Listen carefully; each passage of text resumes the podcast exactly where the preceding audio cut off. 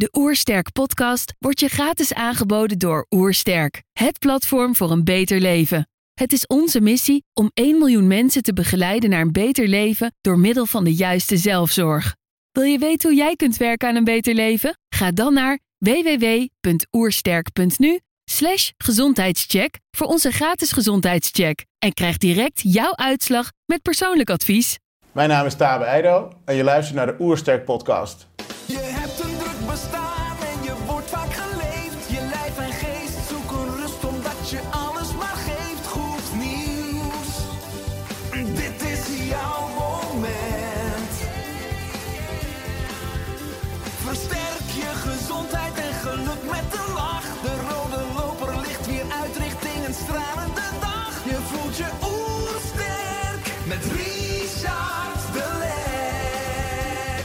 Zijn hier in Heemskerk voor een podcast met Tabe Eido.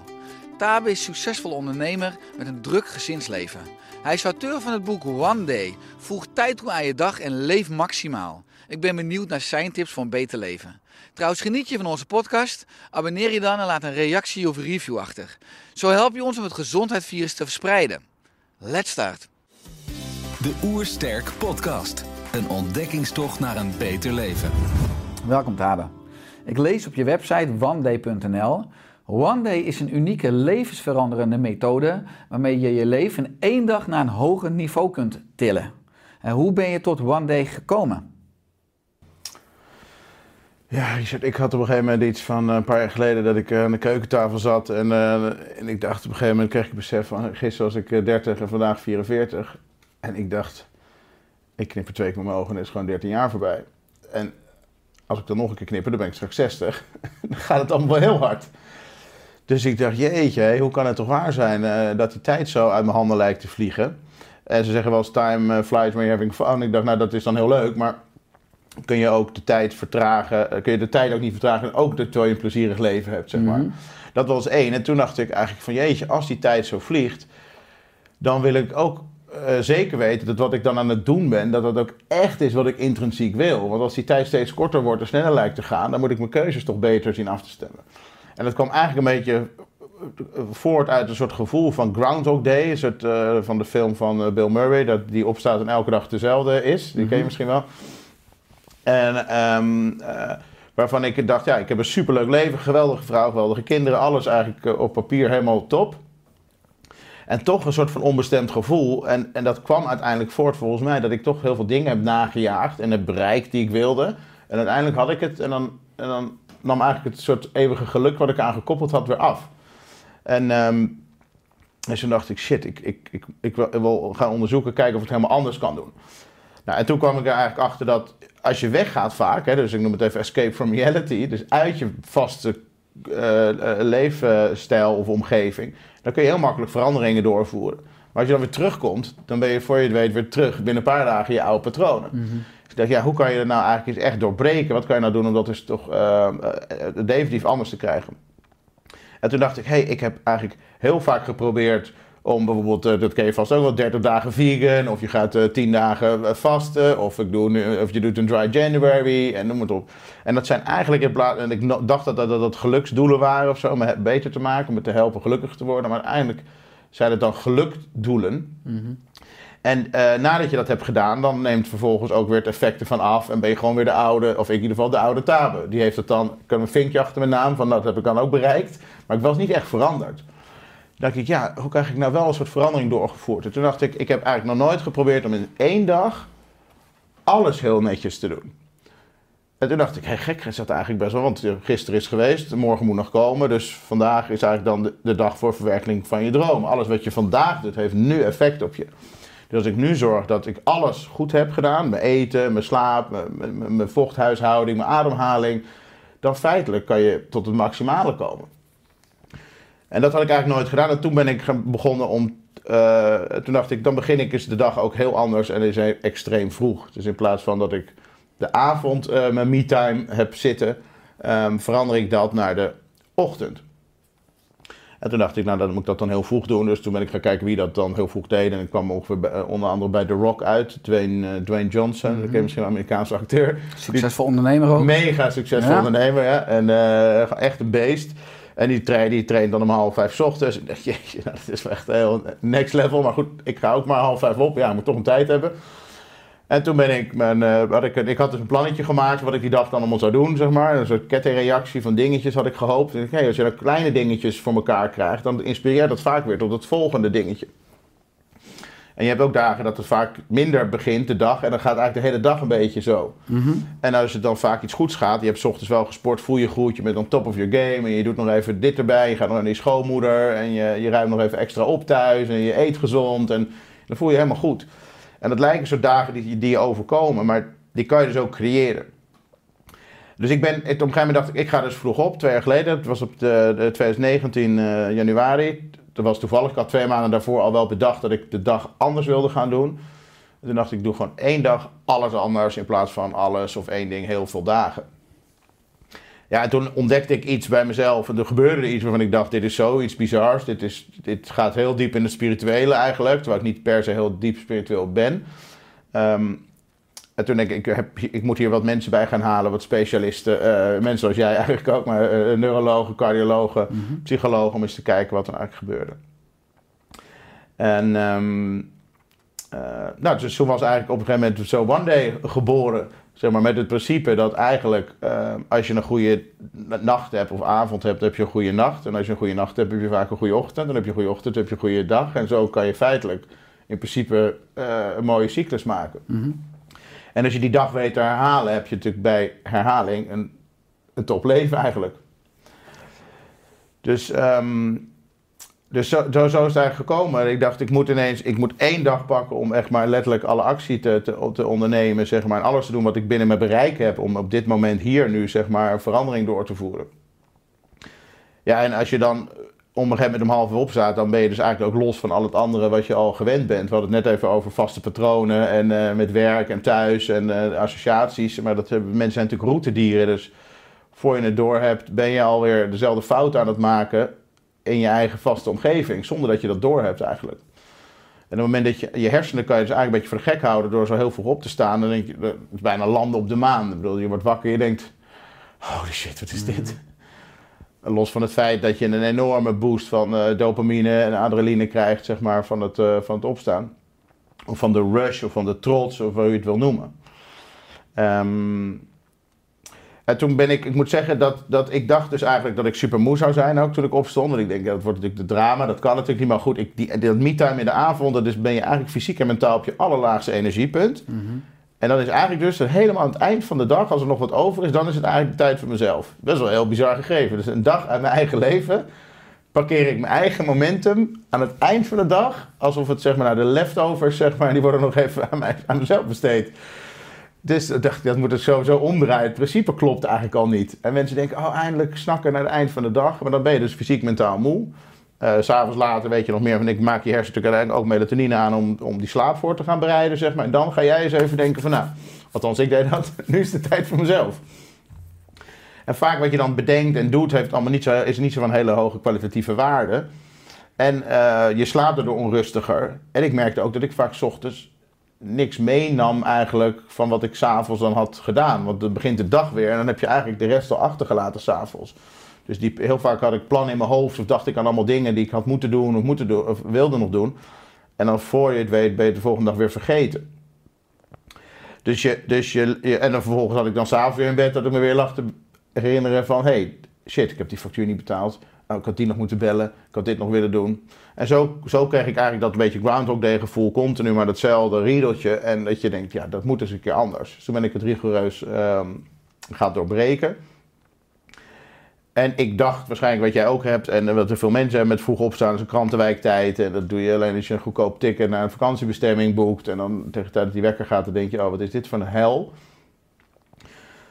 Maar ik had het tegengestelde. Ik kreeg een soort super motivatie. Ik was super warm of wakker ochtends en scherp en eh, helemaal excited. En toen, dat kon ik ook niet goed plaatsen.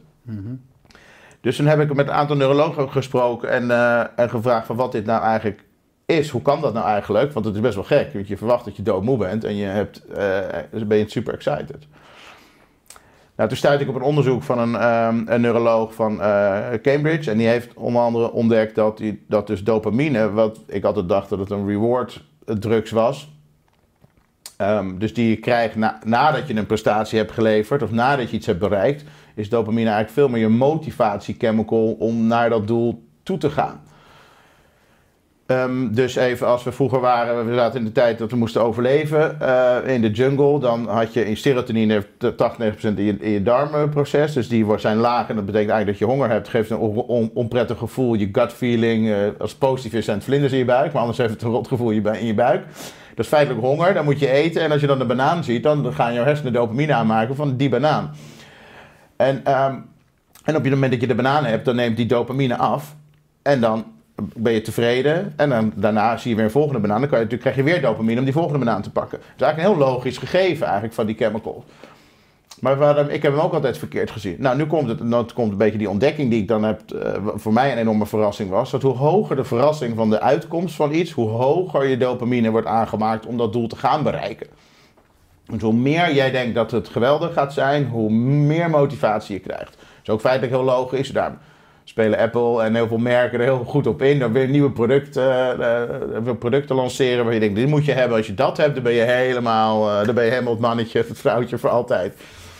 En dan maak je eigenlijk dopamine aan om dat te gaan halen. Het is zo zover dat je bedoel, er slapen mensen ook voor de Apple Store. Ik was nog net niet zo ver, maar toch, dat is best heel bijzonder dat Zeker. een merk dat zo kan. Slaapzakmarketing. Ja. Ja, het is Ja. zo geniaal eigenlijk. Maar het is eigenlijk allemaal dopamine naar dat doel toe. En daarna weet je eigenlijk dat dopamine afneemt. Maar nu even met, ehm, ehm, met slaap dus. dus. Of sorry, met wakker worden. Als je dus weet wat de uitkomst is, dan word je, maak je eigenlijk weinig dopamine aan. Dan vind je hersen dat niet zo spannend. En als het een verrassing is, is het heel, is het heel hoog. Dus nu komt een dag uit je leven of een dag uit Tabes leven. Dat was eigenlijk standaard dezelfde riedel met opstaan, brood smeren, de kinderen naar school. En, en- ja, dan maak je eigenlijk bij voorbaat al dus geen motivatiechemical aan dopamine om op te staan. Want er is weinig exciting happening 's ochtends. En dacht ik, jezus, dat is eigenlijk ook best een depressief gegeven als je zo je dag begint. Gek eigenlijk. Reactief. Ja. Ja, reactief. Je wordt geleefd, je staat niet op voor jezelf. Je hebt, eh, en, maar, en, en dus er er zit dus eigenlijk geen spanning motivatie in die, om, om op te staan een dag uit jouw leven. En het leven is super kort. Dus je wil eigenlijk elke dag bijna wakker worden alsof je een kind bent wat jarig is of zo. Het is misschien een beetje overdreven, maar feitelijk, we dutten steeds meer in als we ouder worden. En je wilt toch elke dag weer die excitement soort van voelen. Dus als, op vakantie heb je wel vaak die energie dat je wakker wordt en dan, dan kan je ook vroeg wakker worden, maar dan heb je gewoon zin in en alles is leuk. Dat komt eigenlijk verschrikkelijk nog door het dopamine, wat je motiveert, omdat alles kan gebeuren. En dat is uiteindelijk ook ehm, wat, wat bij One Day dan sterker is, dat vroeg opstaan. En zorg eigenlijk dat je s'avonds al de motivatie, onbe- onbewust gebeurt het bijna, creëer je eigenlijk al je chemische motivatie om op te staan, omdat 's ochtends eigenlijk alles kan gebeuren. Je hebt nog uren voor jezelf om, eh, om te gaan invullen. Ja, en dan, eh, en, en dan, en dan het, eh, bij- bijna het opstaan ook voor jezelf is natuurlijk ook iets gewoon wat, eh, wat wel een, wat iets heel bizars is. Want het lijkt eigenlijk heel logisch, maar over het algemeen staan we helemaal niet op voor onszelf. Maar staan we ondertussen allemaal op voor verplichtingen die we zelf zijn aangegaan. Ehm, nou goed, dus, dat, dus zo is het eigenlijk ooit be- begonnen. En eh, eh, die One Day is zo opgezet. En eh, met het principe eigenlijk dat ja, if you fail to prepare, you prepare to fail. Dus als je niet goed voorbereidt, dan, dan kan je ook eigenlijk niet zoveel verwachten van de dag, zeg maar. Die komt dan heel erg op je af. Ehm, en ja, dus het, het ding was dus, het eerste aspect was eigenlijk hoe kan ik nou tijd toevoegen aan mijn leven en hoe kan ik dan maximaal leven. Nou, dat, dat tijd toevoegen, dat heb ik uiteindelijk gebaseerd op, op drie pijlers. Eén is dus minder, wat minder slapen en wat meer eh, wakker zijn. Of uite- uiteindelijk zeggen meer wakker zijn. Dus de tijd die ik heb op aarde wil ik zoveel mogelijk wakker zijn, letterlijk en figuurlijk. Dus dat betekent dat je iets minder zou moeten slapen, maar je energie heel goed moet verdelen. Wil niet een tekort aan slapen hebben, maar ik sliep bijvoorbeeld wel heel erg lang. En dat kwam ook vaak doordat ik dan heel laat en heel lang doorging. Het andere aspect van tijd is natuurlijk die beleving. Dus het, het, het, het, tijdsbelevingsaspect is natuurlijk van... Ja, de tijd lijkt steeds sneller te gaan als je ouder wordt. Dat komt ook omdat die neuro- neuronen steeds langzamer eh, connecten in de hersenen. Maar het is ook zo omdat we steeds minder nieuwe dingen doen. Eh, als we ouder worden besparen we energie en je doet dingen al op de automatische piloot. Dus ja, je hebt het allemaal wel een beetje gezien. Je ervaart steeds minder. En voor je het weet transformeer je in tot een geranium.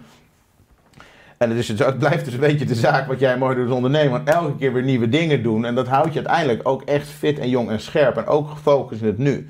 Want als, je, als ik jou nu voor het eerst achter een auto zet, achter het stuur... Dan, dan ben je met alles wat je hebt, ben je erbij. Met al je focus.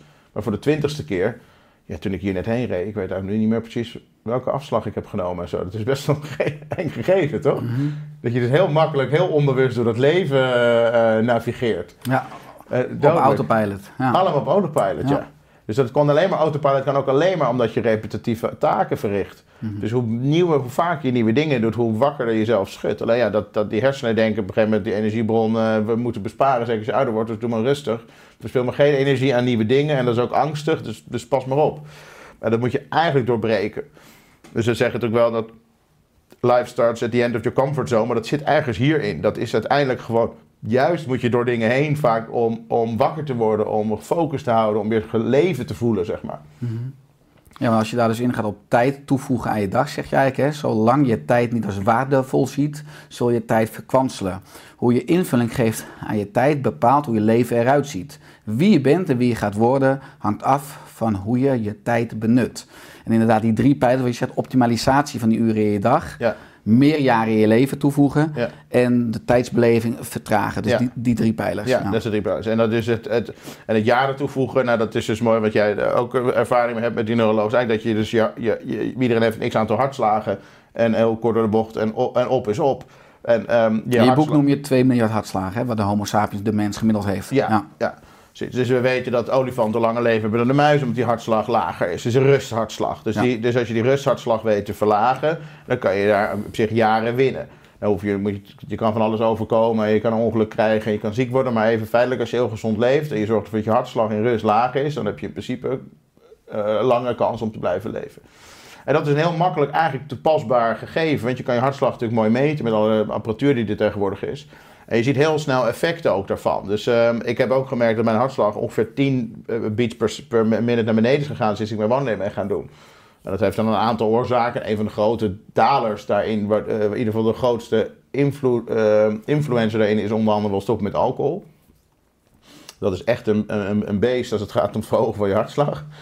Ehm, ge- gebleken. En enerzijds zit ook beweging, wat weer zorgt voor verlaging van Precies, hartslag. Ja. precies. Dus en anderzijds bewegen. Nu heb je inderdaad een aantal zaken die je kunt doen om het te verhogen. Maar je hebt ook zaken die je bewust kunt doen om te verlagen. Onder ademhaling en bewegen en het sporten en, en noem op. Dus als je eenmaal door hebt hoe dat zit, ja, dan, eh, dan heb je natuurlijk eh, een heel mooi tool in handen eigenlijk.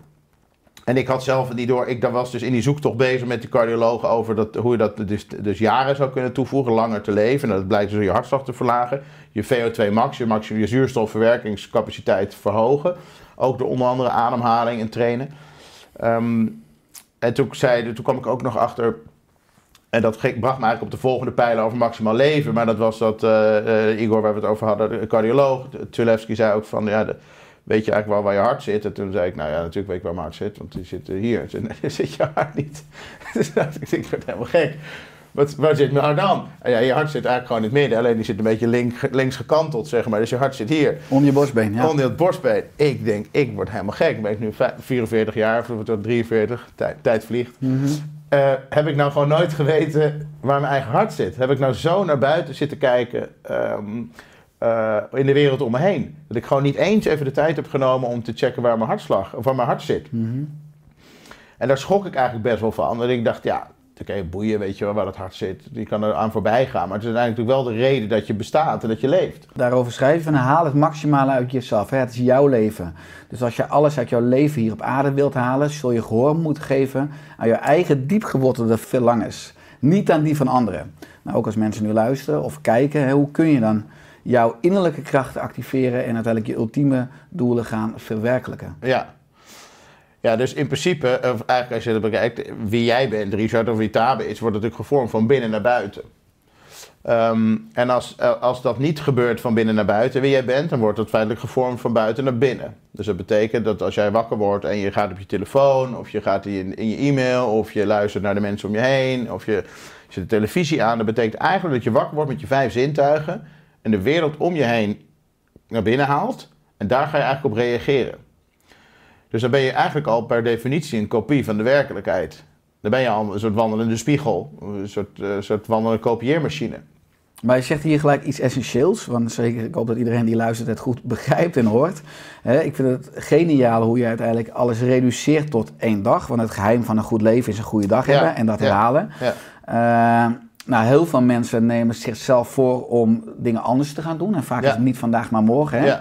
Eh, mensen stellen heel veel essentiële dingen uit. En heel veel mensen starten hun dag met een smartphone. Je zegt dat is Ja. eigenlijk geen goed idee. Nee. Nee, dus als je het eh, heel eh, simpel beschouwt, is feitelijk dat je, dus je wil eerst iets uit jezelf halen voordat er wat in komt. Want dat is het enige wat intrinsiek leven is.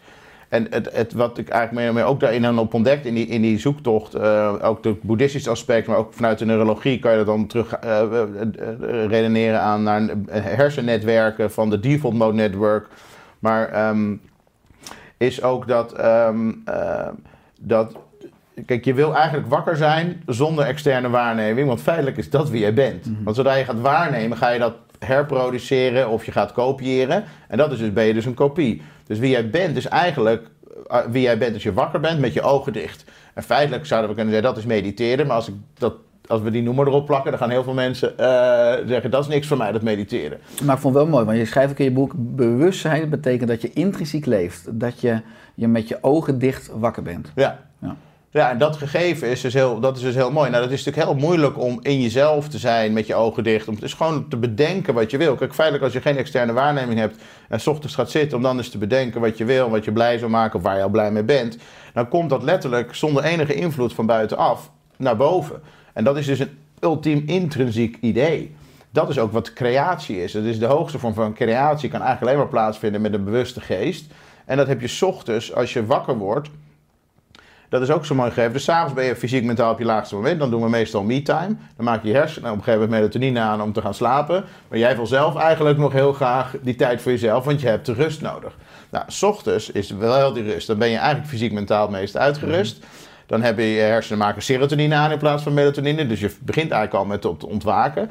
En alles om je heen is nog uit. En je hebt ook geen indrukken van de dag gehad. Dus het is een heel rustig, intrinsiek moment. ehm, eh, eh, de- een, een ehm, intuïtief moment eigenlijk om heel intrinsiek te leven. En dat, alleen je moet er dus wel even wat voor doen. Dat is onder andere dat, dat vroeg opstaan. Ehm, en het, het zorgt er wel voor dat je dan de tijd hebt gehad om even je gedachten te laten gaan. En, eh, en eh, met de laagste brainwaves, dus wat wil eigenlijk zeggen, de hersenactiviteit die wordt in brainwaves gemeten. En als je dus hele lage hersenactiviteit hebt als je wakker bent, betekent feitelijk dat er nog heel weinig gedachten door je hoofd gaan. En dat is heel prettig gegeven. Als je zelf dus ochtends heel vroeg zonder de wereld om je heen om als een TGV te moeten waarnemen. En zonder ook nog al die stemmen in je hoofd en al die gedachten die je hoofd gaan ratelen. Om dan eens even te bedenken waar je al blij mee bent en wat je zou willen doen. En ja, dat kan van iets heel groots tot iets heel kleins zijn. Maar dat geeft ook echt, eh, sowieso weet je dan, dit is zeker wat ik echt wil zelf. Ehm, en het geeft ook eh, sturing aan je dag. Want soms begin je wel eens een dag en dan, ja, dan ben je allemaal dingen aan het verwerken. En 's middags denk je, oh ja, wat had ik eigenlijk nou, wat was nou voor plan? En dan, dan weet je het eigenlijk al niet meer. En dat geeft een heel stuurloos gevoel. Dat had ik wel eens van dat soort dagen. En dat s'avonds denk ik, nou ja, dan maar een drankje erin. Want eh, ik weet het toch, weet het toch even niet meer vandaag. Dus het is heel lekker om even met al je focus en aandacht ochtends echt te gaan bedenken wat je dan eh, wat je blij zou maken. En dat kan zijn eh, met jou ontmoeten en dit gesprek te voeren. En eh, dus, eh, dat, kan, dat kan van alles zijn. Het kan zijn iets opruimen, het kan een kaart sturen, het kan misschien een heel groot bedrijf eh, groot maken, mag ook het zijn. Maar het is heel prettig om elke dag even te beginnen met iets uit jezelf te halen voordat er dan wat in komt.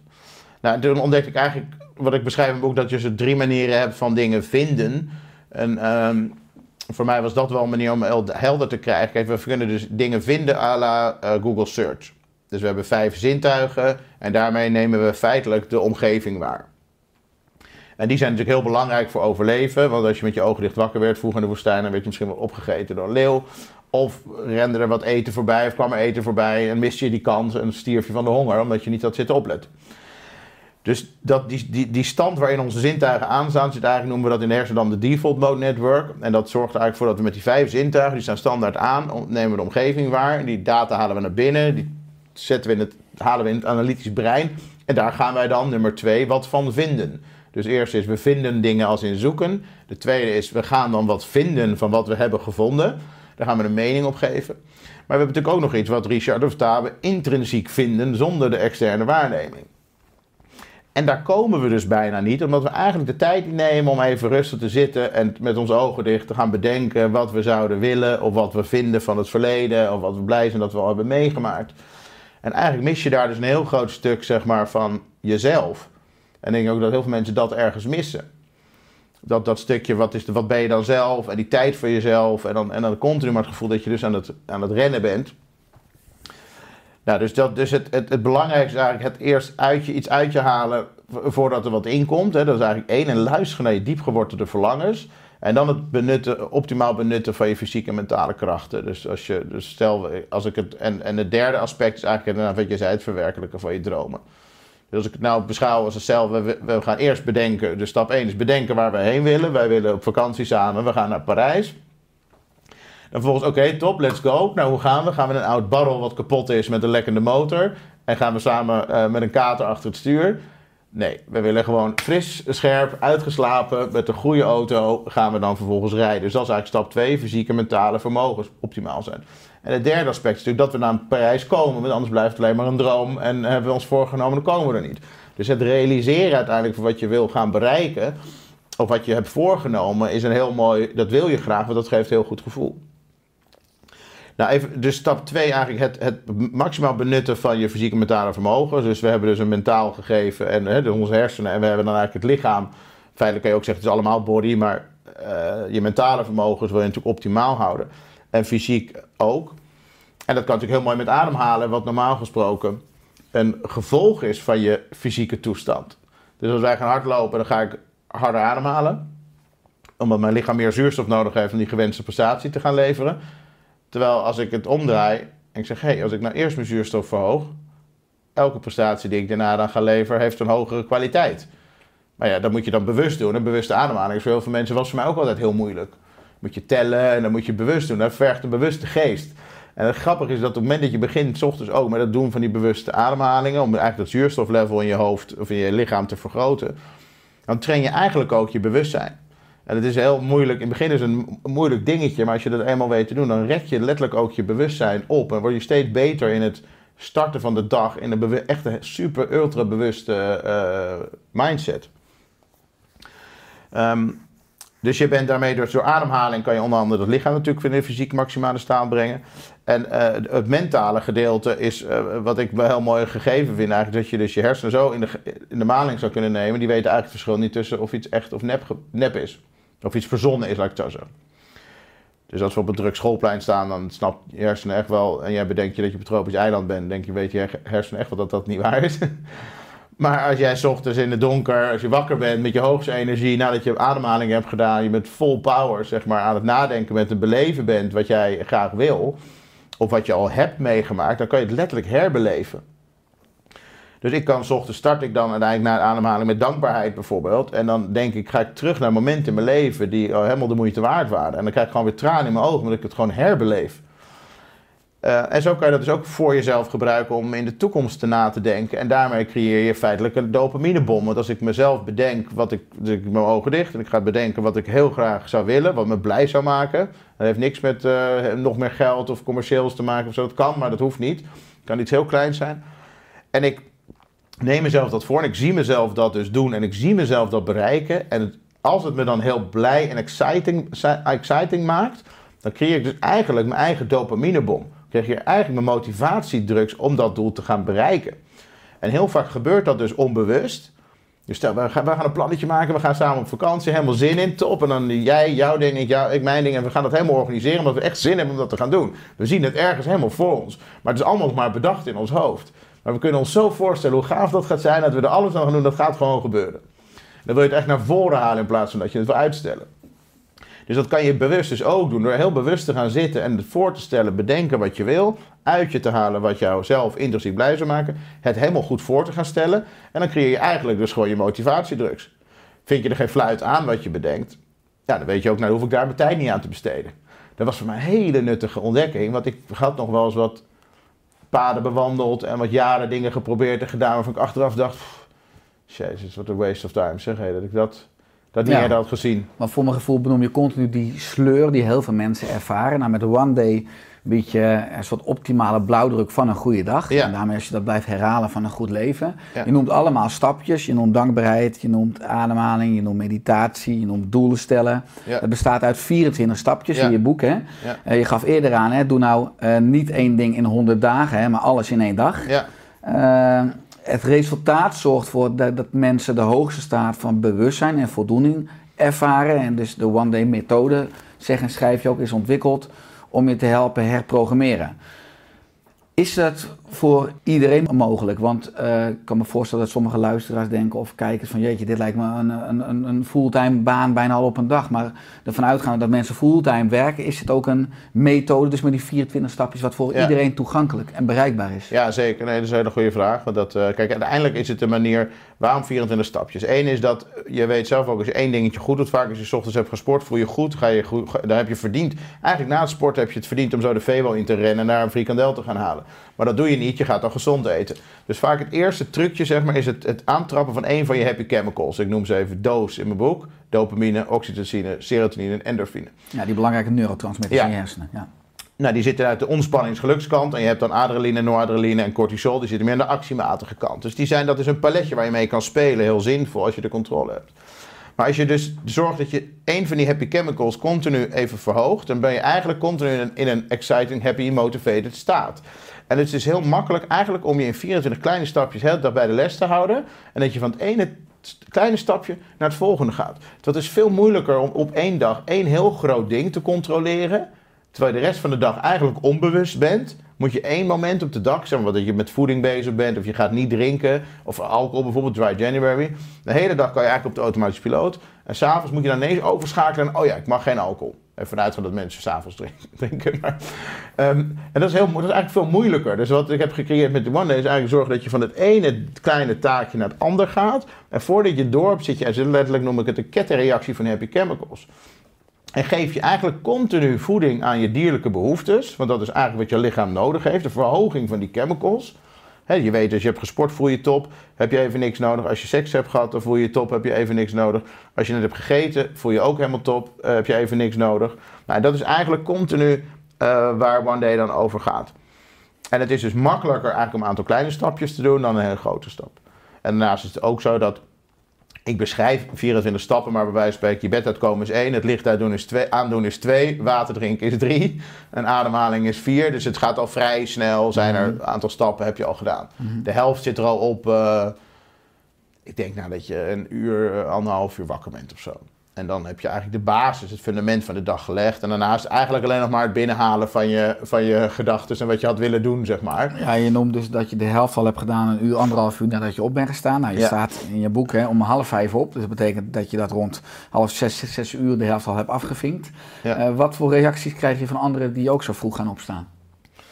Nou, iedereen die dat doet, die ontdekt heel van holy shit, het, het opstaan voor jezelf is wel echt gewoon een heel eh, ander niveau, zeg maar. Ze ontdekken ook iets van rust in die hersenen. Want de wereld slaapt nog, hè? ja, alles slaapt nog, Ja. dus het is gewoon landen op de maan. Het is super exciting. Ik bedoel, dat, die dopamine rush, zeg maar, vooraf, omdat dus alles kan gebeuren, die is gewoon bij, bij iedereen. Bij de een misschien nog iets er- erger dan bij de ander, maar alles kan gebeuren. Dus het is, je bent super excited voor de dag, terwijl je denkt dat je heel moe bent. En dat is eigenlijk ook het eerste mooie gegeven. En dat, dat heeft dus iedereen heeft daar die rush in. De rust van de buitenwereld, de rust in je eigen hoofd. Hè. Dus je hebt letterlijk. Je hersenen hebben dus twee netwerken. Het default mode netwerk, wat altijd standaard aanstaat, wat de buitenwereld scant. En wat eigenlijk op een heel laag pitje continu helpt je te dagdromen, maar zelfreferent is. Dus dat haalt de hele tijd jou in vergelijking met andere mensen, andere tijden, andere plekken. En dat maakt het dus continu heel onrustig. Want je bent eigenlijk continu soort, op een heel laag energy level aan het fantaseren over van alles en nog wat. En eigenlijk jezelf continu kan je ook heel ongelukkig mee maken. Maar het is uiteindelijk vanuit de overleving om, eh, bedoeld om dat gevaar te voorkomen. Dus het is heel zinvol daarvoor, maar niet voor dat geluk. En dan wil je even losstaan van die gedachten en die angsten en de toekomst en het verleden. En dus dat wat is wat allemaal mensen, iedereen merkt. En dat je, ik schrijf in een boek, if, if your reasons aren't strong enough, your excuses will. Als je toch niet zeker weet of je iets wil, dan komen die excuses langzaam op. En dan stop je met het bereiken van jouw doel. Op het moment dat je zeker weet dat je iets wil, je hebt er echt zin in, je gelooft ook echt in, dan ga je dat dus gewoon verwezenlijken. En dat is wat iedereen wel meemaakt die One Day doet. Van, ho, sowieso de hele perceptie van het vroege opstaan is heel anders in de werkelijkheid dan we allemaal hadden bedacht, of de meesten hadden bedacht. En de rust die je vindt om na te denken over de voor jou belangrijkste zaken, ja, dat is op een niveau, die, dat, dat, dat heb je op een dag gewoon niet. Want normaal gesproken is de dag al begonnen, ben je zo druk. Dus alles wat je bedenkt krijgt maar de halve aandacht of een kwart aandacht. Misschien wel, een- ik weet niet of ze het echt even helemaal even uitanalyseren, krijgt een gemiddeld denktaakje misschien een 1 of 2 procent van je aandacht of zo. Omdat je zoveel andere processen hebt draaien. Dus je hebt nooit vaak dat je denkt, dat je denkt dus dat je iets heel goed hebt bedacht, maar dan heb je het eigenlijk toch niet zo goed bedacht. En ja, dat geeft mensen in deze tijd natuurlijk waanzinnige rust. Van, eh, ehm, kijk, nu als we in de tijd waar we dan nu in leven, is het natuurlijk genoeg om je heen om te absoluut naar binnen te halen, om heel dood ongelukkig van te worden de hele tijd. Of in de schok van te raken. ja. Ja. en, en alle economische gevolgen. En dat gaat weer op slot en dat gaat weer dicht. En eh, die scholen en wel of niet. En als je dat de hele dag maar consumeert en het begin van de dag, betekent dat ook dat bepaalt uiteindelijk de buitenwereld wie jij bent. En dat bepaalt ook, eh, hoe jij je voelt. En als je dat dus elke dag doet, dan bepaalt dus continu de buitenwereld jouw dag en dus ook jouw leven. En, en dat, dat gaat niet anders zijn dan dat je één dag eens een keer probeert dat te doorbreken. En dat, en dat een beetje vroeger opstaan. Ik kreeg wel eens een vraag bijvoorbeeld, ja, kun ik dat niet s'avonds doen? Nou, dat zei ik al, dan ligt je, je hersenactiviteiten zijn dan heel laag. Je bent, eh, die willen namelijk gaan slapen langzaamaan. Dus je lichaam gaat uiteindelijk melatonine aanmaken. En je bent fysiek mentaal in je laagste staat. Maar je hebt ook al de hele dag allemaal hersenactiviteit gehad. Dus je hebt allemaal gedachten door je hoofd. Dus je bent ook helemaal niet zuiver, zeg maar, voor wat je zou willen. Als je het ietsje eerder doet dan normaal, dus je zou niet extreem vroeg opstaan, maar gewoon een half uurtje of zo eerder, dan mis je toch een bepaalde diepgang, zeg maar, en rust in je hoofd. Omdat je dan toch al bezig bent met, met het, oh shit, ik kom zo, komt er weer naar beneden, of ik moet straks toch alweer naar de zaak. En die hele, zelfs de kleinste afleiding van die gedachten zorgt eigenlijk wel voor, voor een mindere diepe meditatie of, of, of mindset waar je dan in bent. Nou, als je het hebt over de dag starten met een inspirerend doel, hè, ook intrinsiek, dan is het nou ook een vorm van mind over body. Maar ik hoorde je ook in de video zeggen, hoe je eet, drinkt, beweegt en stress heeft, heeft allemaal te maken met de kwaliteit van je lichaam. Nou, in je boek laat je zien dat je het lichaam constant op zoek is ook naar dierlijke behoeftes, ook Ja. in die nou, belangrijke neurotransmitters, onder andere dus dopamine en endorfine. Hoe kunnen mensen hun lijf dus ook beter aan gaan sturen? Ja, dus de vraag is even van, eh, ben, je, ben je mentaal fit en daardoor kun je jezelf fysiek fit maken? Of ben je fysiek fit en word je daardoor ook mentaal weer beter? Is een beetje de, kip en het ei. In, in principe wil je natuurlijk zorgen dat je, dat je dat, dat, fysiolo, dat je je fysiologie op orde hebt, zeg maar, dat je de baas bent daarover. Dus eh, neem even voor met het sporten. Dan als je dus ochtends wakker wordt, zit je in een negative eh, flow misschien wel. Dus even in de default mode stand, dat is naar buiten gekeerd. En je hebt de task positive network, dus eigenlijk naar binnen gekeerd.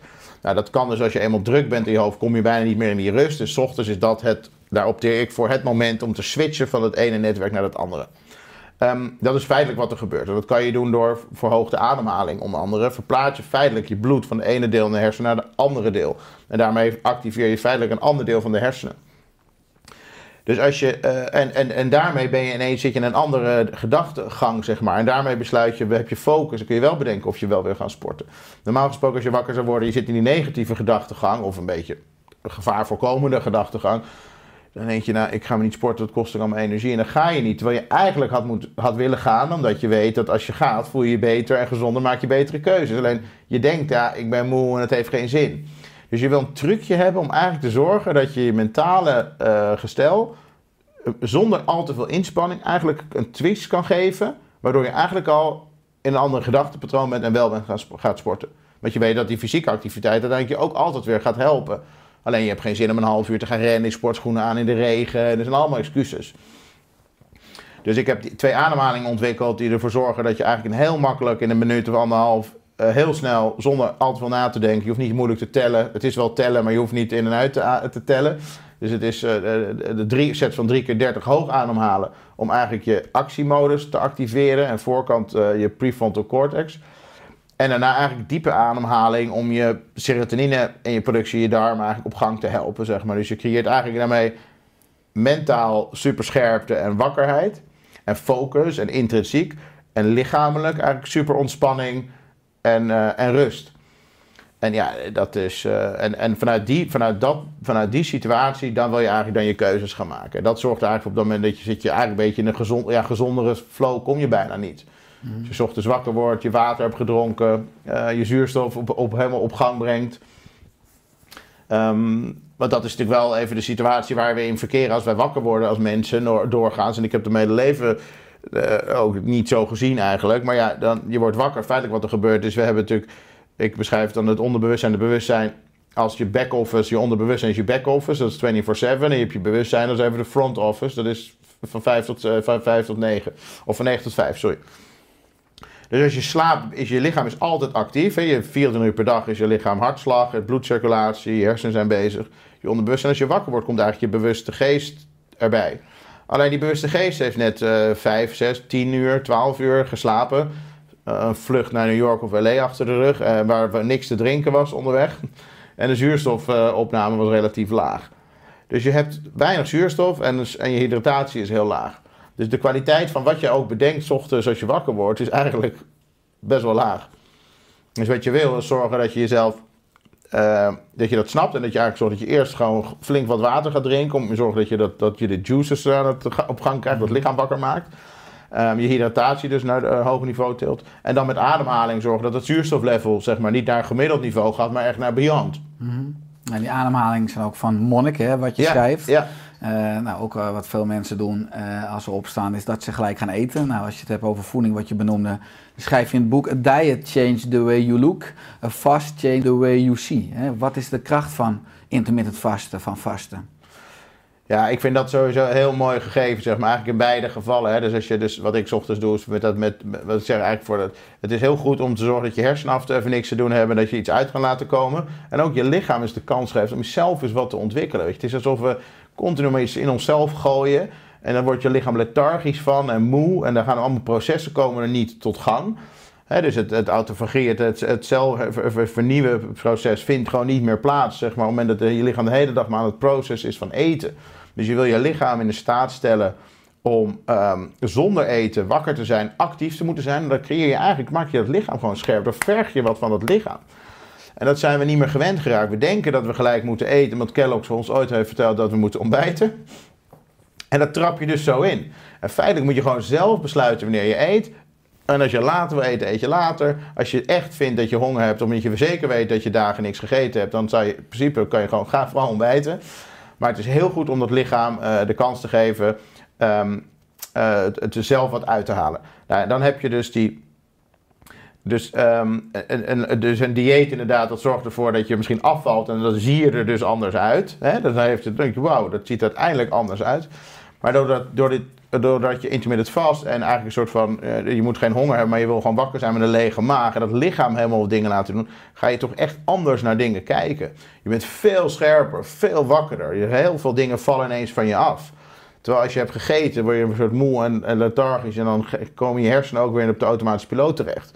Dus de scherpte waarmee je dingen waarneemt, ook zeg maar eh, mentaal, is er in het, vast, eh, ja, eh, vind ik echt een enorme ontdekking. Dat dat, dus even los van het lichamelijke, inderdaad, het, het, het andere, je krijgt een andere visie gewoon op bepaalde dingen. Je bent gewoon super veel scherper. En eigenlijk als je erover nadenkt en terug gaat kijken wat helemaal natuurlijk jouw platform is en jouw merk of je... en, en, de leer van oerzak gaat ook even terug naar de oer. En dat is natuurlijk uiteindelijk ook dat je normaal gesproken werd je niet wakker met een doos Kellogg's of crackers of eieren naast je. In de jungle was het gewoon, eerst ging je op jacht. Je werd wakker, je ging dingen doen, toen kreeg je trek. Toen kwamen er wat serotonineverlagingen zeg maar, in die darmen. Dan kwam er uiteindelijk een dingetje, ga maar met dopamine, ga maar op eten zoeken. Feitelijk is dat heel dierlijk. En dan had je honger en dan ging je, werden je fysieke en mentale vermogens op de proef gesteld. Dus die gingen maximaal werden die scherp om dat maaltje te kunnen gaan eh, eh, eh, binnenhalen. En dat, dat doen wij, dus, dat, dat vragen we dus eigenlijk nooit meer van onszelf. Dus we komen nooit meer in een soort van hongerig gevoel waardoor je scherp blijft en je mentale en fysieke vermogens moeten optimaliseren om vervolgens eh, je, je, je, je eten te verdienen. En we, krijgen, we stoppen dat erin en voordat we het door hebben. Nou ja, en dan is het natuurlijk met heel veel van die dingen zo, met suiker bijvoorbeeld ook en met het eten. Ja, the more you eat it, the more you need it. Als je eenmaal begint, heb ik in ieder geval heel erg last als ik er vroeg ga eten, dan blijf ik eigenlijk de hele dag eten. En hoe langer je dat kan uitstellen, hoe scherper je blijft, zeg maar, hoe frisser je in je hoofd blijft. Nou, dus door vasten word je eigenlijk flexibeler om zowel op suikers te branden als op vetten. Want vetten kan je veel meer brandstof halen. Ja, Je doorbreekt eigenlijk ook geprogrammeerd eten, wat we nu Ja. maatschappelijk doen. En Ja. waardoor je minder lichaamsbewustzijn hebt. ja precies. Ja. Nou, uiteindelijk draait heel veel om geluk. Hè. Je zegt ook, hè, hoe gelukkig je je voelt hangt af van de sensitiviteit van je zenuwstelsel en het niveau van je bewustzijn. ja. En hoe gelukkig ben jij op dit moment? Nee, ik ben nu extreem gelukkig. Met mijn ademhaling gedaan, blij dat ik hier zit. Dankbaarheid gedaan. het, Dus, is nog, het, het- het is in de ochtend nu, hè, dat we deze opname doen, maar vanmorgen ook half vijf opgestaan. Ja, ja, ik was iets eerder nog, kwart over vier. Zo excited. Toen was ik gewoon als een kind zo blij. Denk, oh ja, ik ga naar jou toe. En dat heb ik dan echt letterlijk. Dus dan ga je gewoon nog... eh, ik zet eigenlijk nooit meer de wekker hoor. Maar ik word dan ook nog eens voor dat tijdstip eh, vaak wakker. En ehm, nee, dus wat ik beschrijf eigenlijk, eh, want de hele zoektocht in ons leven, ik denk voor heel veel mensen natuurlijk naar structureel geluk. Feitelijk wil je gewoon continu eigenlijk in een blije staat zijn. En dat je dat, dat, dat niet beïnvloedbaar is door de wereld om je heen. Dat gebeurt dus toch, dat heb ik ook vaak gehad. Dat je toch even een berichtje krijgt en in één keer, je zat er goed in. En in één keer krijg je een rot e-mail van je werk. En je bent helemaal eh fucked, sorry maar. En eh, één klein ding kan je gewoon volledig gaan balans brengen. Nou, dus ik ben gaan onderzoeken, wat is dan eigenlijk dat geluk? En dan zeggen ja, dat is mensen, geluk zit in je. Ik zeg, ja, waar, heb je het allemaal over? Weet je, wat, wat is het nou eigenlijk? Toen dacht ik, nou oké, even toch even echt gaan onderzoeken hoe dat nou medisch dan nou wetenschappelijk zit. En feitelijk is geluk een gevoel. En gevoelens worden bepaald door je hormonen. En geluksgevoelens worden feitelijk bepaald door je gelukshormonen. Die ik dus oxys- dopamine, eh, dopamine, oxytocine, serotonine en endorfine noem. Doos. En die kun je aanmaken door wat je denkt en wat je doet. Ehm, en, maar we denken onszelf heel snel ongelukkig en we maken vervolgens onszelf, doen er vervolgens alles aan heel lang om onszelf weer gelukkig te maken. Maar je kan jezelf ook heel makkelijk, zonder iets te hoeven doen in de tijd, gelukkig denken. En dan hoef je veel minder te doen overdag om je gelukkig te maken. Dan kun je veel eerder over naar de orde van de dag, het verwezenlijken van je je bent belangen. gelukkig. Ja. Je voelt je gewoon gelukkig. Ja. Dus je hebt eigenlijk eh, eh, al toegegeven, eh, eh, gehoor gegeven aan je natuurlijke dierlijke verlangens aan verhoging van die chemicals. Nou, doe je het op natuurlijke wijze, dat kan dus zijn sport of seks of voeding, ademhaling, eh, gratitude bedenken, dan noemen we dat doos. En doe je het op onnatuurlijke wijze, dan noemen we dat een overdose. Dat betekent dat je eigenlijk altijd afhankelijk bent van externe factoren om die chemicals te verhogen. Ofwel de negatieve aspecten van een verlaging van die chemicals te verdoven. Met series, met drank, met drugs, noem het op. Het is feitelijk een verlaging van je fysiek-mentale vermogens. Omdat je kennelijk niet zo goed in staat bent om je gelukkig te maken. Voel je eigenlijk ongelukkig met die buitenwereld. jou continu, zeg maar, je, je absorbeert informatie die jou ongelukkig maakt. Daar schiet je dus adrenaline en cortisol en langdurige stress mee aan. En vervolgens, als je dat niet goed kan managen door je weer gelukkig te maken. Eigenlijk simpel het verhogen van die chemicals. Door nogmaals ademhaling, hardlopen, beter eten, dankbaarheid, een aantal trucs die ik uitleg in het boek. ehm, wil je eigenlijk die vermogens verlagen. Om maar even niet die pijn te voelen. En dan, blijf je, en dan blijf je uiteindelijk afhankelijk. En dan ben je eigenlijk een slaaf van de buitenwereld. Dan heb je dus bepaalde spullen wil je kopen. Omdat je dan dopamine verhoogt. Je hebt het niet door, maar je denkt dat je die iPhone wil. Maar je wil die iPhone niet. Je wil eigenlijk gewoon die dopamine rush. Ehm, zo kan je seksverslaafd eh, worden. Of je kan gaan gokken. Of je kan verslaafd raken aan series. Om maar dingen te voelen. En uiteindelijk leidt dat dus altijd tot een soort afhankelijkheid. Dus als je ochtends de tijd neemt om die happy chemicals te verhogen. En daarvoor is het nodig om dat maximaal van te voelen. Inderdaad, wat ik zei, wat jij zei. Het, de zuiverheid van je zenuwstelsel is van belang om maximaal te voelen van die chemicals. En de mate van bewustzijn is nodig om de beleving daarvan maximaal te kunnen ervaren. Zo wakker mogelijk te zijn. Dus je wil eigenlijk die, die, die, die, die, je bewustzijn en het zenuwstelsel heel zuiver en schoon houden. En als je ochtends dat doet, dus je hebt feitelijk gehoor gegeven aan die dierlijke instinct, behoeften, dan kan je de rest van de dag door met wat je hier met je bewuste geest hebt bedacht. Want die bewuste geest heeft een plannetje voor vandaag of morgen of overmorgen. En dat lichaam wil gewoon elke dag die dierlijke behoeftes vervuld krijgen. Dus als je dat ochtends al gelijk even doet, kun je eigenlijk met veel meer rust die dag in. En ik noem het eigenlijk vergelijken met de boodschappen doen met een lege maag. Dus als je dat doet, dan koop je allemaal dingen die je niet nodig hebt. En dwaal een uur rond. En als je even wat hebt gegeten voordat je je boodschappen gaat doen, dan koop je eigenlijk precies wat je nodig hebt. En ben je heel snel klaar. Dat geeft heel veel rust. Alleen je moet het wel even doen. En eh, daar is bij mensen vaak, eh, eh, daar zit het vaak het, probleem bij mensen. Dus inderdaad die, die, die switch te maken op een dag om te zeggen, hé, hey, ik ga het anders doen. Ik ga die me-tijd in de ochtend zetten. En ik ga zorgen dat ik daar zeg maar maximaal bezig ben met mijn fysieke en mijn mentale vermogens. voordat ik de dag begin. Ja, want die switch bij jou, wat je zei, die was in 2019. Ja. Eh, maar de One Day is ook gebaseerd op wetenschappelijk onderzoek, onder andere van Harvard, van Yale, Ja. eh, MIT, van Oxford en Stanford. En hoe kwam je deze verschillende inzichten op het spoor en hoe heb je ze uiteindelijk gecombineerd? Ja, ik kwam er dus uiteindelijk achter dat, ik, dat, dat je kan wel één ding veranderen, maar dat betekent dat heeft dan maar op één deel van je lichaam een bepaald effect. Dus je kan wel eh, vegan gaan eten of niet drinken, maar het heeft dan op één deel aspect. Dus als ik dan neem even alcohol, als ik stop met alcohol drinken, dan heb ik even geen ethanol-gif in mijn lijf waar mijn lichaam tegen hoeft te werken. En ik verdoof even niet mijn mentale vermogens, mijn mentale geest. Maar als ik vervolgens wel nog enorm veel stress heb op het werk, of ik zit nog steeds peuken te roken, dan is dat lichaam natuurlijk niet optimaal. Dan heb ik hier wel wat winst, maar althans minder schade, wat ik niet drink. Maar hier heb ik nog steeds een stressactivator in het lichaam. Dus uiteindelijk heeft alles met elkaar te maken. Daar kwam ik achter. Toen ben ik gaan kijken, hé hey, jeetje, wat is dat dan allemaal?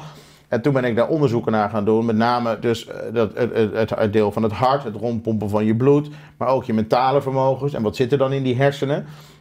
En hoe kan je dat nou terug redeneren met dankbaarheid? Dus hoe kan je nou bepaalde dingen... Kijk, dat is het mooie met dat dankbaarheid. Ook toen, eh, daar studies voor eh, eh, gedaan om te kijken van wat, wat is het nou eigenlijk? Want je wil iets hebben en wat, je, wat we nu allemaal hebben verzameld is wat we ooit graag wilden. En dan hebben we het en dan kunnen we het eigenlijk niet meer waarderen, want we zijn weer door naar het volgende doel aan het gaan. Dat is eigenlijk best wel zonde. Die stofjes die zakken weer nog. Ja, die zakken Ja. weer. En dan heb je dus iets wat je dus te gek vond. Maar dan vervolgens zakt die stofjes weer inderdaad. En dus ga je weer door naar dat volgende. Nou, als je eenmaal weet dat dat dus letterlijk je dopamine systeem is. Dan, en dat kan je dan de baas zijn. Dan kan je zelf ook zeggen, ik ga eens even weer terug in de tijd. En in plaats van dat de, de fotoalbums op mijn iPhone eh, roteren en af en toe even een herinnering etaleren, kan ik dat ook zelf doen. Ik neem zelf de macht en de controle. Ik ga zelf ochtends met verhoogde ademhaling goed focussen en bedenken wat ik al heb meegemaakt en waar ik blij mee ben. En dan, ik noem het recycling happiness, dan ben je gewoon aan het herkouwen en het recyclen van de mooiste momenten van je leven. En zo kun je natuurlijk dus gewoon uiteindelijk die, die happy chemicals of, of de, eh, ook je actiechemicals eh, eh, controleren en beïnvloeden.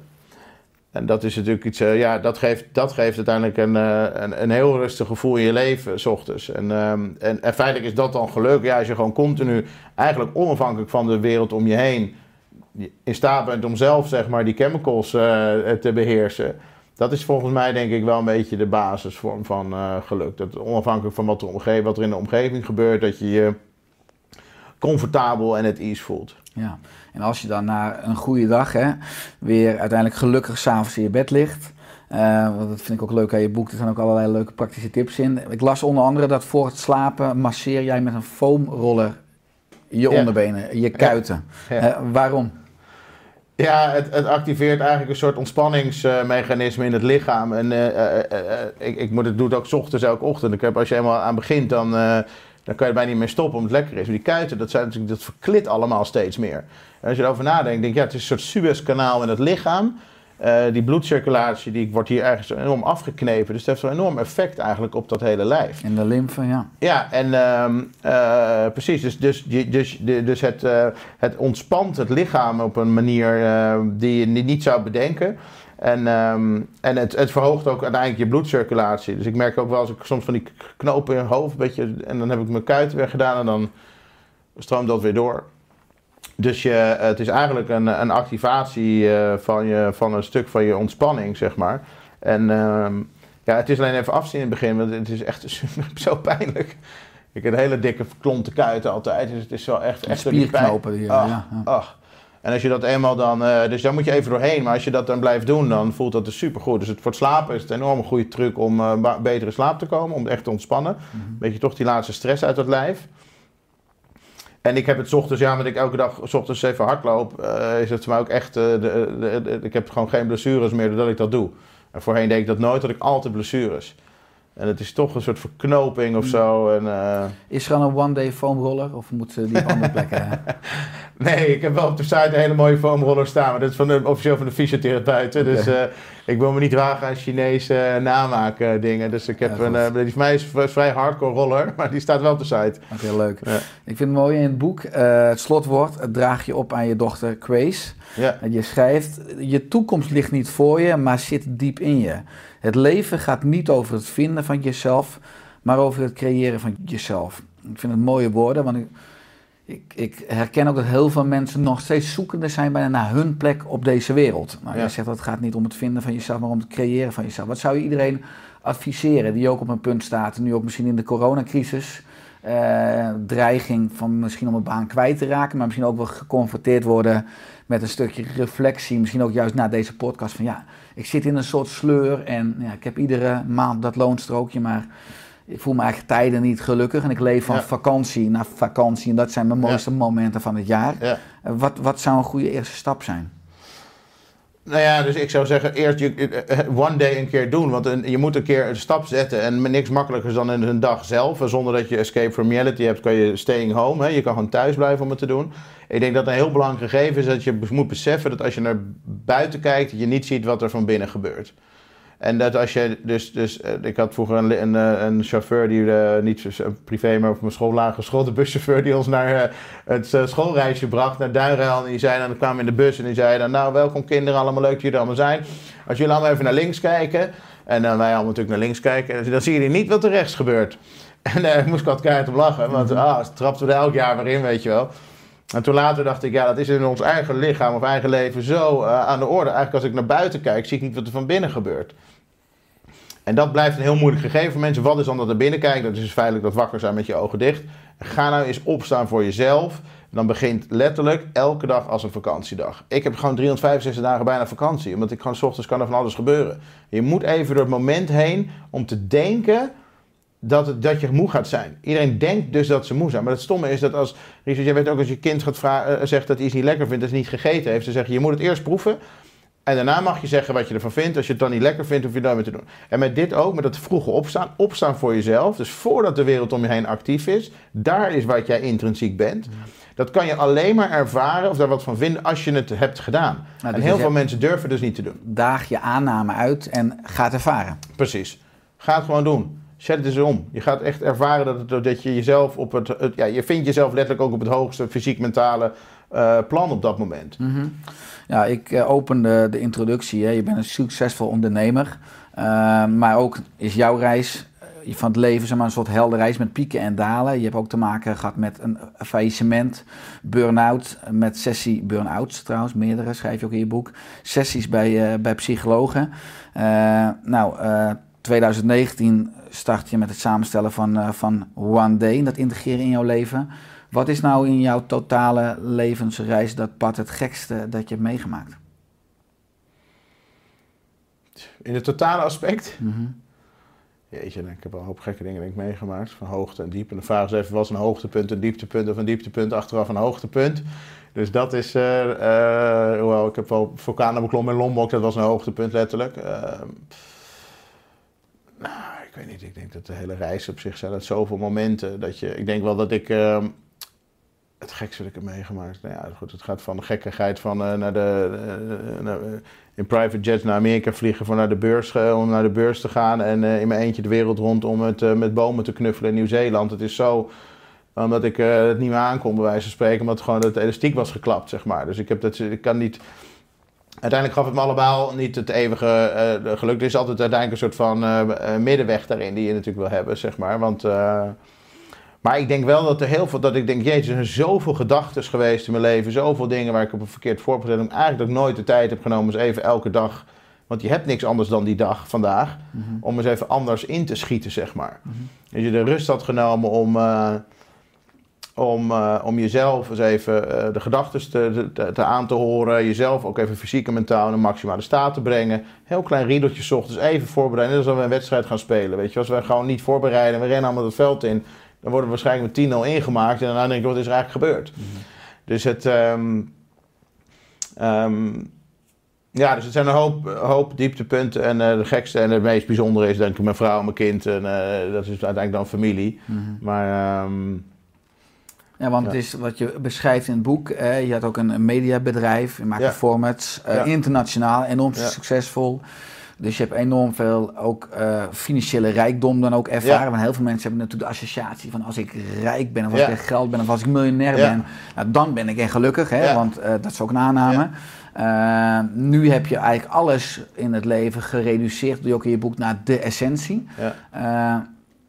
Wat zag je dan ook in die wereld om je heen? Want er zijn natuurlijk enorm veel mensen succesvol volgens de maatschappij. Ja. Dan bijvoorbeeld met, nou, met dat mooie huis Ja. of met twee huizen en met miljoenen. ja. Maar eh, wat zijn je ervaringen daarvan? De essentie met de essentie die je dan nu ervaart met One Day. Ja, nou, ja, dus, dus uiteindelijk is rijkdom, dat is natuurlijk mensen, het is- het is ge- rijk altijd aan geld gekoppeld. Terwijl rijkdom is voor mij helemaal, heeft niks met geld te maken. Rijkdom is gewoon ervaring met, heeft te maken met ervaring uiteindelijk. En belevingen en, en, en goede gevoelens. Dus feitelijk kan je stellen dat dus even uitgaande van het dopamine gegeven. Je, je, je wil iets hebben, je wil die banaan, je wil die iPhone, je wil die nieuwe jurk, je wil die Rolls Royce, je wil die Lamborghini, die Porsche en dan, die villa en nog een vakantiehuis en nog meer en dit en dat. Feitelijk willen we het allemaal, maar daarna neemt zeg maar, de waarde ervan af, want we voelen het niet meer. En dan moet je door naar de volgende. Dus hoe meer je hebt, hoe groter de kans dat je eigenlijk je downers, eigen downers creëert. En weer door moet naar het volgende, weer door moet naar het volgende. Je bent eigenlijk een hazenwindhond in, een, eh, in zo'n renbaan. Je gaat het echt eigenlijk nooit gelukkig, geluk daarin vinden. Dus dat rijkdom zit op een heel ander aspect. Alleen dat moet je wel even ontdekken. Dus als je helemaal snapt dat het nooit over gaat zijn met het hebben van spullen, dat hoe meer spullen je eigenlijk hebt, hoe ongelukkiger je wordt, is het natuurlijk heel makkelijk gegeven om te bedenken van, en dat doen door de corona worden het steeds meer mensen een beetje teruggeworpen natuurlijk op, op wat je nu al om je heen hebt en te waarderen wat je hebt en het herwaarderen wat je ooit leven hebt. Best wel gek gegeven dat we het zo uit het, uit het zicht waren verloren. Maar als ik jou vraag, is je ook later op je, en als je jezelf vraagt ook op je sterfbed van, goh, wat was het mooiste moment in je leven? Dan gaat niemand, nou bijna niemand zeggen dat is de hoogte van mijn bankrekening. Dat gaat nooit iemand zeggen. Terwijl we zijn ons hele leven maar druk bezig met dat geld en al die waarden eraan gekoppeld. Terwijl uiteindelijk gaat het dan allemaal om de waardering, de momenten met je vrienden, de, kind, die kinderen die geboren waren, de kinderen die gelukkig zijn, als je opa oma bent geworden, je liefde van je leven. En, dat is, en je hoeft dus niet bijna dood te gaan om het aan het eind van die rit te beseffen. Dus de waarde van geld, het is eigenlijk, ik, je bent, als, je, als, je, als je rijkdom in geld beter uit te drukken, zeg maar, dan heb je eigenlijk het armste leven. En wanneer je rijkdom ziet, zeg maar, aan de hoeveelheid vrienden die je hebt of de familie die je hebt opgebouwd. Ja, dat geeft ook elke dag waardering. En dat is ook een heel mooi onderzoek gedaan, hebben ze gedaan, eh, wat ik op de Yale-studie heb geleerd. Dat, ik dat, Ehm, dus, kijk, Zelfs, overigens is het al met trouwen ook zo moeilijk. Hè? Want in het begin ben je dus just married. Hè? Dan zijn we yes, just married. En na vijf jaar is ja, we're just married. Dus alles neemt in die zin wel een beetje af. Maar spullen, daar kan je dus... eh, dat, dat, op een gegeven moment heb je het gezien. En je hebt ook al alles ervan bedacht. Het is wat het is. Het is afgekaderd, zeg maar. Het is gelimiteerd. En um, een gedachte, een herinnering aan iets is altijd weer herproduceerbaar, maar heeft altijd een andere energie. Dus het is veel rijker voor jezelf ook om heel veel dingen te beleven en her te beleven, dan al die spulletjes te verzamelen, die eigenlijk allemaal, ja, sorry met alle respect, maar zelfs mijn boek. Het boek hebben is minder belangrijk dan de, dan de waarde die het heeft wat te gelezen hebben. Dus, dus, en uiteindelijk gaat het daarover, zoveel mogelijk blijven leren. Mooi, als we het daarover hebben, wat is je droom of je missie voor aankomend jaar, van komende jaren? Nou, ik hoop dat ik heel veel mensen kan helpen en inspireren om een one day inzicht te krijgen. Dat mensen snappen van, hé, hey, je hebt de ene kant in het aspect in het leven, dat is laat naar bed en minder goed voor jezelf zorgen en een beetje de weg kwijt zijn. En, en er is ook een manier, die kan je dan doen, af en toe one day, en geen honderd dagen, om die kant eens op te zoeken. Heel vroeg op te staan, gebruik maken van je maximale brainwaves, van de rust, jezelf gunnen wat je eigenlijk in je hebt. Kijk, we zoeken allemaal rust en we zoeken allemaal bewustzijn en dat zit al standaard in ons. We maken onszelf alleen onbewust en we maken onszelf onrustig.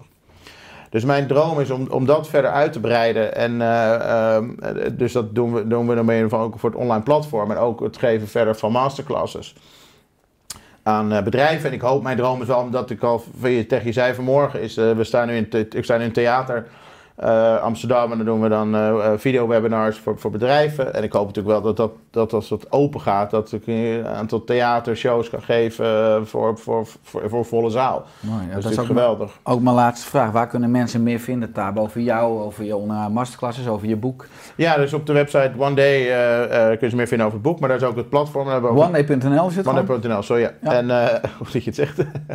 en op OneDay.nl en daar is ook een audio-guided versie van de methode beschikbaar. Er is niet ingesproken boek, maar letterlijk neem ik je stap voor stap mee in de Day, in die 24 stappen. En daar zitten ook uh, guided meditaties in en ademhalingsuitleg, et cetera.